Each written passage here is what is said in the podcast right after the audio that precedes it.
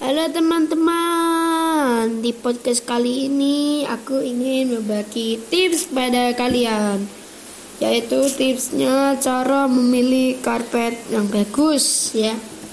Yang pertama adalah sesuaikan ukuran karpet berdasarkan tempatnya ya.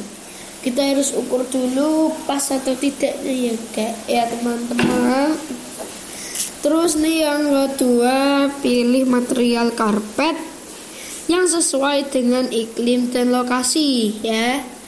Yang ketiga, pilih yang dapat dicuci secara manual atau mesin ya. Yang ketiga, yang keempat adalah pilihlah karpet yang sesuai dengan kebutuhan Anda. Nah, kalau mau milih karpet tuh harus sesuai dengan kebutuhan kita itu juga penting teman-teman terus yang kelima Temukan desain bentuk warna menarik untuk mempercantik interior. Nah, itu kita harus tentukan. Bagi kalian yang suka dengan podcast ini, jangan lupa dengerin terus.